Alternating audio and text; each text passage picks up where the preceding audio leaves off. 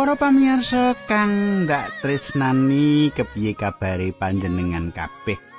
Apa panjenengan apik-apik wae? Bagas waras keparingan rejeki rada cukup. Aja lali karo aku ya nek diberkahi Gusti. Alah Pak Puji wae kok wis rasah dikelingi. Aja ngono. Ngene-ngene iki ya butuh lho.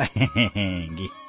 Nah, kadangku aku bakal bebarengan karo panjenengan ing sawetara wektu iki ana ing sajroning adicara margi utami.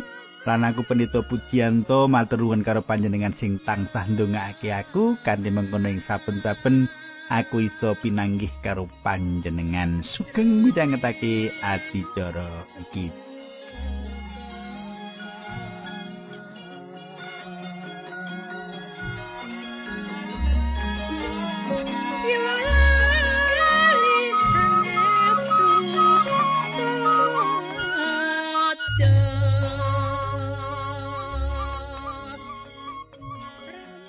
Kadangku ing patemon kepungkur kita wis nyemak para pemimpin agama sepisan maneh budidaya supaya bisa nyekel Gusti Yesus nanging anggone arep nyekel mau gagal. Sepanjure kepiye terus kita arep nyemak ing patemon iki nanging sadurunge kuwi monggo kita ndedonga. Duh Kanjeng Rama ing swarga kawula ngaturaken gunging panuwun menawi wekdal menika kawula saged tetunggilan kawula saged sesarengan kalian sedherek-sedherek kawula ingkang setya midhangetaken adicara menika. Kawula nyuwun Duh Gusti tumrap sedherek kawula ingkang samenika mbetahaken pendamelan sampun dateng pundi-pundi nanging dereng pikantuk pendamelan supados paduka piyambak ingkang mayungi paduka piyambak ingkang nulungi lan paduka piyambak ingkang mbikak pakalian kangge sederek kawula menika selaras kalian karso paduka. Dinambaran asmanipun Gusti Yesus Kristus kawula nyuwun tuntunanipun Gusti. Haleluya. Amin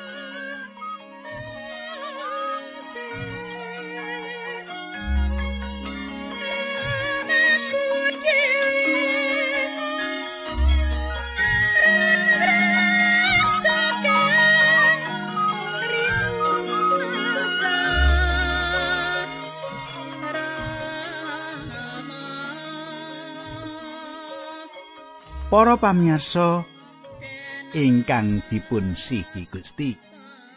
Pasinaon kita saiki wis ngancik ing Yohanes pasal 11. Saiki wis ngancik Yohanes pasal 11. Ayo kita ngeningake sawetara supaya etuk gegambaran gegayutan karo Yohanes iki. Ing sadroning 10 pasal kang kawitan Sang Kristus wis mratelake sarirane ana ing laladan kang mesti tambah jembar tambah ombo. Lelakon iki kawiwitan saka wong kang digawe ing kutha kana ana kono ana para tamu lan para murid sebanjuri para murid percaya marang panjenengani ing dina riyaya tarub godhong lan dina riyaya paneguhan pedalaman Allah Gusti Yesus meratelake sapa sejatine panjenengane kuwi marang bangsa kuwi lan sebanjuri Gusti Yesus nampa panampi ing bangsa kuwi. Apa kang wis ditindakake dening panjenengane ditampik ing sajroning Yohanes 5 ayat 16. Pangandikane ditampik ing sajroning Yohanes 8 ayat 58 nganti 59 lan pribadine piyambak ditampik jroning Yohanes 10 ayat 30 nganti 31. Kadangku pasal iki dadi kaya dene owah-owahan. Peladosane Gusti Yesus marang wong akeh wis rampung lan panjenengane wiwit ngunderake sarirani marang peladosan kang asipat pribadi-pribadi lan ora meneh metu saka anggone gayuh bangsane. Injil Yohanes yaiku kaya dene munghing sawijining gumuk kang tegese saben pasale nuntun kita luwih dhuwur dibandingake karo pasal sadurungi. Ing perangan kang wiwitan sadurunge jagat dititahake sang sabda wis ana sang sabda mau tetunggilan karo Gusti Allah sarta sang sabda kuwi pancen Allah. Yohanes 1 Saiki ayat 14 sang sabda wis dadi menungso manggon awor karo kita Yohanes 1 ayat 14 Nalika panjenengane sugeng ing antaraning manungsa Kayekten iki kateguhake kanthi akeh mukjizat lan pasemon uga wulangan. Pitakonan kang paling gedhe ing kene yaiku apa bisa Gusti Yesus nguripake wong mati? Pati ya kuwi sawijining kengkeran kang gedhe banget. Lan urip pancen sawijining wadi, nanging urip iku dhewe ora ana tegese yen tanpa anane patangen saka pati iku dhewe. Katengku, senajan kita diweni akeh kauntungan ing jagat ing jaman iki, tetep wae kauntungan kang paling gedhe dhewe, ya iku urip langgeng ana ing sajroning Gusti Yesus Kristus tak bali ya. Katengku, senajan kita diweni akeh kauntungan ing jagat ing jaman iki, tetep wae kauntungan kang paling gedhe dhewe, ya iku urip langgeng ana ing sajroning Gusti Yesus Kristus. kadangku urip iki mung cekak. Dino-dino kang cekak ing sajroning urip ora bisa dibandingake karo kalanggengan ing jagat kang langgeng. Ing sajabaning agama Kristen, ora ana siji kapercayan ing jaman iki kang mulangake tangine wong mati. Sinajan bisa uga ana sawetara kang ngaku bisa nguripake wong mati, nanging ora ana siji wae kang tau nuduhake bukti badan iku sing wis tau diuripke. Nalika Gusti Yesus nyarasake wong kang lara, badan wong iku diwarasake. Nalika Gusti Yesus nguripake wong mati, mula ana badan kang diuripake. Akeh agama kang janjake bab kauripan ing jaman saiki, nanging ora ana janji bab urip kang bakal teka. Pengarep-arep kang gedhe dhewe ana ing sajroning iman Kristen yaiku tangine saka pati. Kadangku kang dak tresnani Injil ngandharake marang kita telung lelakon ing ngendi Gusti Yesus nguripake wong kang wis mati. Ana lelakon ing ngendi ana perawan kang umure rolas taun lagi wae mati. Perawan mau isin nom, banjur ana nom-noman kang layone wis digawa menyang kuburan. Banjur Lazarus kang bisa uga wis dewasa, kang wis mati lawase telung dina wis dikubur. Wong-wong mau diuripake kang umure pira wae. Wong-wong mau diuripake meneh nanging durung ditangekake. Perkara kang kelakon kuwi mung arupa dipulihake gegayutan karo uripe. Wong-wong mau diuripake meneh saka pati nanging ora ana siji wae kang diparingi badan kamulyan. Wong-wong mau bakal mati meneh. Sang Kristus wae kang wiwitan wis kawungake kaya kang ditulis ana ing 1 Korintus 15 ayat 23. Dhisik dhewe Sang Kristus banjur wong-wong sing dadi kagungane ya kuwi besok samangsa panjenengane rawuh meneh. Ayo katangku kita wiwiti saiki pasal 11 tak wacake ayat siji lan loro mengkene surasani. Ana wong loro jenenge Lazarus, omahe ana ing desa Betani, ya kuwi desa Betani panggonane Maryam lan Marta. Maryam kuwi wong wadon sing ngesokake lenga wangi ing sampeyane Gusti Yesus lan ngusapi nganggo rambuté dene Lazarus sing lara mau sedulure. Sumitraku kang dak tresnani panjenengan semak. Betania yaiku kutha papan manggone Maryam. Injil iki ditulis udakara 90 Masehi. Lan nalika iku wong ngerti Maryam iku sapa. Dheweke kang ngusapi sukune Gusti Yesus nganggo lenga damar kang wangi. Wangi kang metu saka lenga damar kuwi ngambar ngebaki jagat iki. Gusti Yesus ngendika, yen kabeh kang ditindakake wong wadon iku bakal dieling-eling ing ngendi kabar kabungan iku diwartakake. Aku duwe keyakinan yen akeh wong-wong kang andhap asor kang ngusapi karo lenga damar wangi lan bakal nampani pengaji kang luwih gedhe dibandingake karo para pemimpin Kristen kang akeh nampani pangalembono ing jagat iki. Omah iku uga omahe Marta.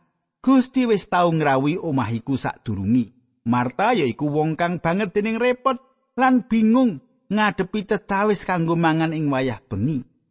Gusti Yesus sabanjuri ngendika yen lungguh ing sukune lan sinau saka panjenengane luwih dening apik ketimbang karo karepotan kanggo pelayanan.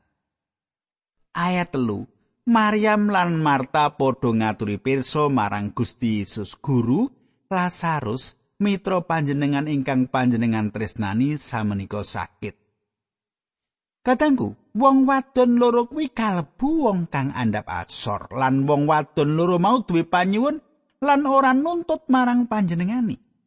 Wong wadon loro mau nyaritakake marang Gusti Yesus kegayutan karo karuwetan kang dilakoni.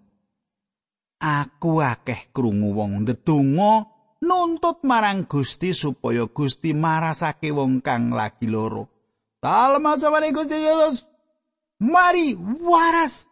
Gusti nyuwun waras. Panguwasa panjenengan wonten pundi Gusti? Waras. Kapan to Gusti Allah iku dadi batur panjenengan? Kapan to Gusti Allah iku dadi pelayan kang jaga-jaga ing cerak kita utawa ngangkat barang gawan kita? Gusti Yesus ora nindakake apa kang dadi kersane kanthi cara kang kaya mengkono. Maryam lan Marta wanuh karo panjenengani. Gusti tiyang ingkang panjenengan tresnani sakit. Ingkang panjenengan tresnani. Lazarus ditresnani dening Sang Juru Wilujeng. Yohanes ngarani yen dhewe iku murid kang ditresnani dening Gusti Yesus. Petrus mratelake yen Gusti Yesus tresnani kita. panjenengane tresnani panjenengan lan aku saben putrane Allah ditresnani dening Gusti Yesus. Saiki diterusake ayat papat. Nalika Gusti Yesus mireng pawarto mau, panjenengane ngendika larane Lazarus ora bakal njalari patini nanging supaya dadi lantarane asmane Allah kaluhurake lan srana mengkono putrane Allah uga kaluhurake. Sumitraku kang ndak tresnani sak perangan wong ana kang kondo yen wong Kristen iku ora bakal tau lara. Apa sakit penyakit kuwi ana ing sadroning kersane Gusti? Sakit dudu minangka tondo yen Allah ora tresnani panjenengan. Ing kitab Jurukut basa ayat siji kapratelake ora ana wong sing ngerti apa sing bakal kelakon.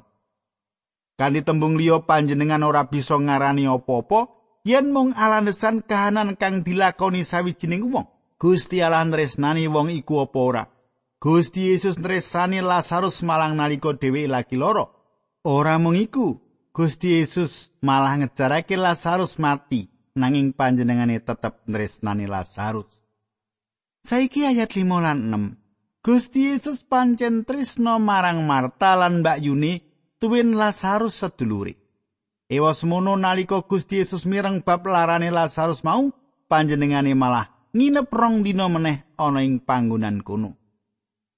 Kadangku Gusti Yesus nresnani panjenengan nalika panjenengan gerah. Panjenengane nresnani panjenengan nalika panjenengan bagas waras. Panjenengane tansah nresnani panjenengan. Panjenengan bisa wae takon marang Gusti Yesus kenapa panjenengane ngejarake sawetara karuwetan dumadi ing urip panjenengan. panjenengan tresnani panjenengan embuh panjenengan Kristen utawa panjenengan ora Kristen. Panjenengan ora bisa nglarang yen panjenengan kuwi tresnani panjenengan. Panjenengan ora bisa ngendhekake mlethek ing srengenge nanging panjenengan bisa nyingkiri sunare. Awit panjenengan tresnani kita kita kudu suwanan wani ngaturake kabeh karuwetan kita marang panjenengani. Wani lire panjenengan bebas ngaturake mbuka ati panjenengan marang panjenengani. Wani ora ateges panyuwunan panjenengan bakal dadi tuntutan marang Allah. Kadangku karuwetan iku bakal ndadar iman panjenengan lan agawe panjenengan jengkeng malah ing sadroning kasangsaran ing sadroning pati kita tetep kudu sinau pracaya marang Gusti Yesus. Gusti Yesus mulangake kesabaran marang kita mulangake yen kita bisa sumende marang panjenengani sinau yen panjenengan ngrampungake kabeh mau kanthi banget dening adil. Kita perlu mawas apa kang dumadi sakwise urip kang kudu dilakoni kanthi kebak luh prihatin lan coban urip kang terus kudu dilakoni kita nyemak Allah kagungan tujuan ing sadroning samukawis kang dumadi. Panjenengan gatekake larane Lazarus ora bakal njalari patine nanging supaya dadi lantaran asmane Allah kaluhurake lan trono mengkono putrane Allah uga kaluhurake Gusti Yesus ngitenake perkara iki dumadi awit Gusti Allah bakal kaluhurake awit saka lelakon kuwi Kita perlu sinau yen kita iki dudu dadi underane saka jagat raya iki. Underan saka samukawis ana ing kasuwargan lan samukawis dumadi kanggo kaluhuran panjenengane. Ora ana kang dumadi ing sajroning urip kita tanpa ana izin saka Gusti Allah. Lan menawa panjenengan ngidinake kabeh kuwi dumadi, perkara kuwi kanggo dadi kaluhurane. Kadangku kang disei Gusti Yesus. Aku pengin banget supaya panjenengan gatekake yen Gusti iku tresnani Marta uga. Kala-kala kita rada kasar marang patrap kaya kang ditindakake Marta. Akeh maitu apa kang ditindakake. Uga akeh juru tafsir kurang adil marang Marta iki. Dheweke didakwa kakean repot pelayanan lan ora sinau perkara kang paling apik. Nanging apa kang ditindakake ora dadi sebab Gusti ora tresnani dheweke. Apa Gusti Yesus katon kejem awet ngejarake Lazarus mati? Ora. Ing kene ana piweling kanggo kita. Gusti Yesus ora nindakake apa-apa kanthi alasan sengit pribadi nanging panjenengane tansah bangun turut marang kersane Sang Rama yen nuruti karepe ati wis mesti Gusti Yesus bakal langsung menyang Betani nanging panjenengane sengaja ngejarake Lazarus mati. Katangku kala-kala Gusti Yesus ngidinake wong-wong kang kita tresnani mati. Kita perlu ngerti yen panjenengane kagungan sawijining tujuan lan dalan-dalan kagungane tansah sempurna Gusti Yesus ing tindake tansah kalandesan dening katresnan. Saiki tekan ayat pitu mengkene surasane tekan wolu lagi sawise kuwi Gusti Yesus ngendika marang para sekabati ayo kita padha bali menyang tanah Yudea para sekabat nuli padha matur guru nembe kemawon tiang-tiang Yahudi badhe benturi selo panjenengan Lah kok samenika panjenengan sampun ngajak tindak mriku malih. Panjenengan katekake Gusti Yesus wis tau tindak mrono lan dipeksa lunga saka kono. Saiki panjenengane bali meneh lan nggawa murid-muride menyang laladan kang bebayani. Ayat 9 lan 10. Pangandikane Gusti Yesus sedina kuwi apa ora rolas jam. Yen mlaku ing wayah awan wong ora kesandung mergo padang. nanging yen wong mau mlaku ing wayah bengi bakal kesandung mergo peteng kadangku awit sang rama wis paring marang putra sawijining tugas supaya ditindakake ora ana kang bisa ngendhekake panjenengani ing lelakon iki ana prinsip kang gedhe Gusti Allah wis maringake marang kabeh manungsa yaiku wektu kanggo urip panjenengan ora bisa nambahake sedina wae dikaya panjenengan ora bisa nahan supaya srengenge ora angslup ing wayah sore. Nanging syukur marang Allah panjenengan tan kenora ana ing kahanan kang ora bisa dikalahake nganti pakaryane Allah rampung. Ora ana siji wae kalebu iblis kang bisa nyirnakake tujuan Allah ing sadroning urip panjenengan menawa panjenengan lagi nderek bangun turut marang panjenengani. Kegagalan kanggo nderekake panjenengani yaiku sawijining perkara kang banget dening bebayani. Perkara iku agawe ora ana ing sajroning pepeteng awit panjenengan kuwi pepadangi jagat iku. Panjenengan bisa wae mlebu ing lalatan bebayani bebarengan karo panjenengane lan panjenengan babar pisan ora tatu. Panjenengan bakal bisa ngerampungake apa kang panjenengan tindakake. Nanging menawa panjenengan tetep ana ing sajroning pepeteng, panjenengan bakal kesandung. Ana pepati ing Betania, menawa panjen kudu ana padhang ing sadurunge kahanan kang peteng kuwi mula Gusti Yesus kudu ana ing kono panjenengane kuwi pepadange jagat saiki tak terus ke ayat 11 nganti 15 ya 11 nganti 15 mungkin surasane sawise kuwi Gusti Yesus nyambeti pangandikane mitra kita Lazarus lagi turu mulane arep ndak gugah aturi para kabate guru menawi Lazarus namung tilem tontonipun mangke badhe saras. Mongko sing dikersakake Gusti Yesus kuwi satemene Lazarus wis mati. Saka pangirani para sekabat, Gusti ngendika yen Lazarus turu temenan. Mulane Gusti Yesus nuli mblakake yen satemene Lazarus wis mati. Aku bungah dene aku ora beneri ana ing kono. Kuwi ana becik tumrap kowe kabeh supaya kowe padha percaya. Ayo kita padha mangkat menyang omahe Lazarus. Kadangku para murid ora paham apa kang dikersakake dening Gusti Yesus nalika panjenengane ngendika yen Lazarus kuwi turu. Awit akeh wong ing jaman saiki uga ora paham, mula akeh wong kang sabanjuri kondo gegayutan nyawa kang keturun. Kang turu kuwi badan lan dudu jiwa kita.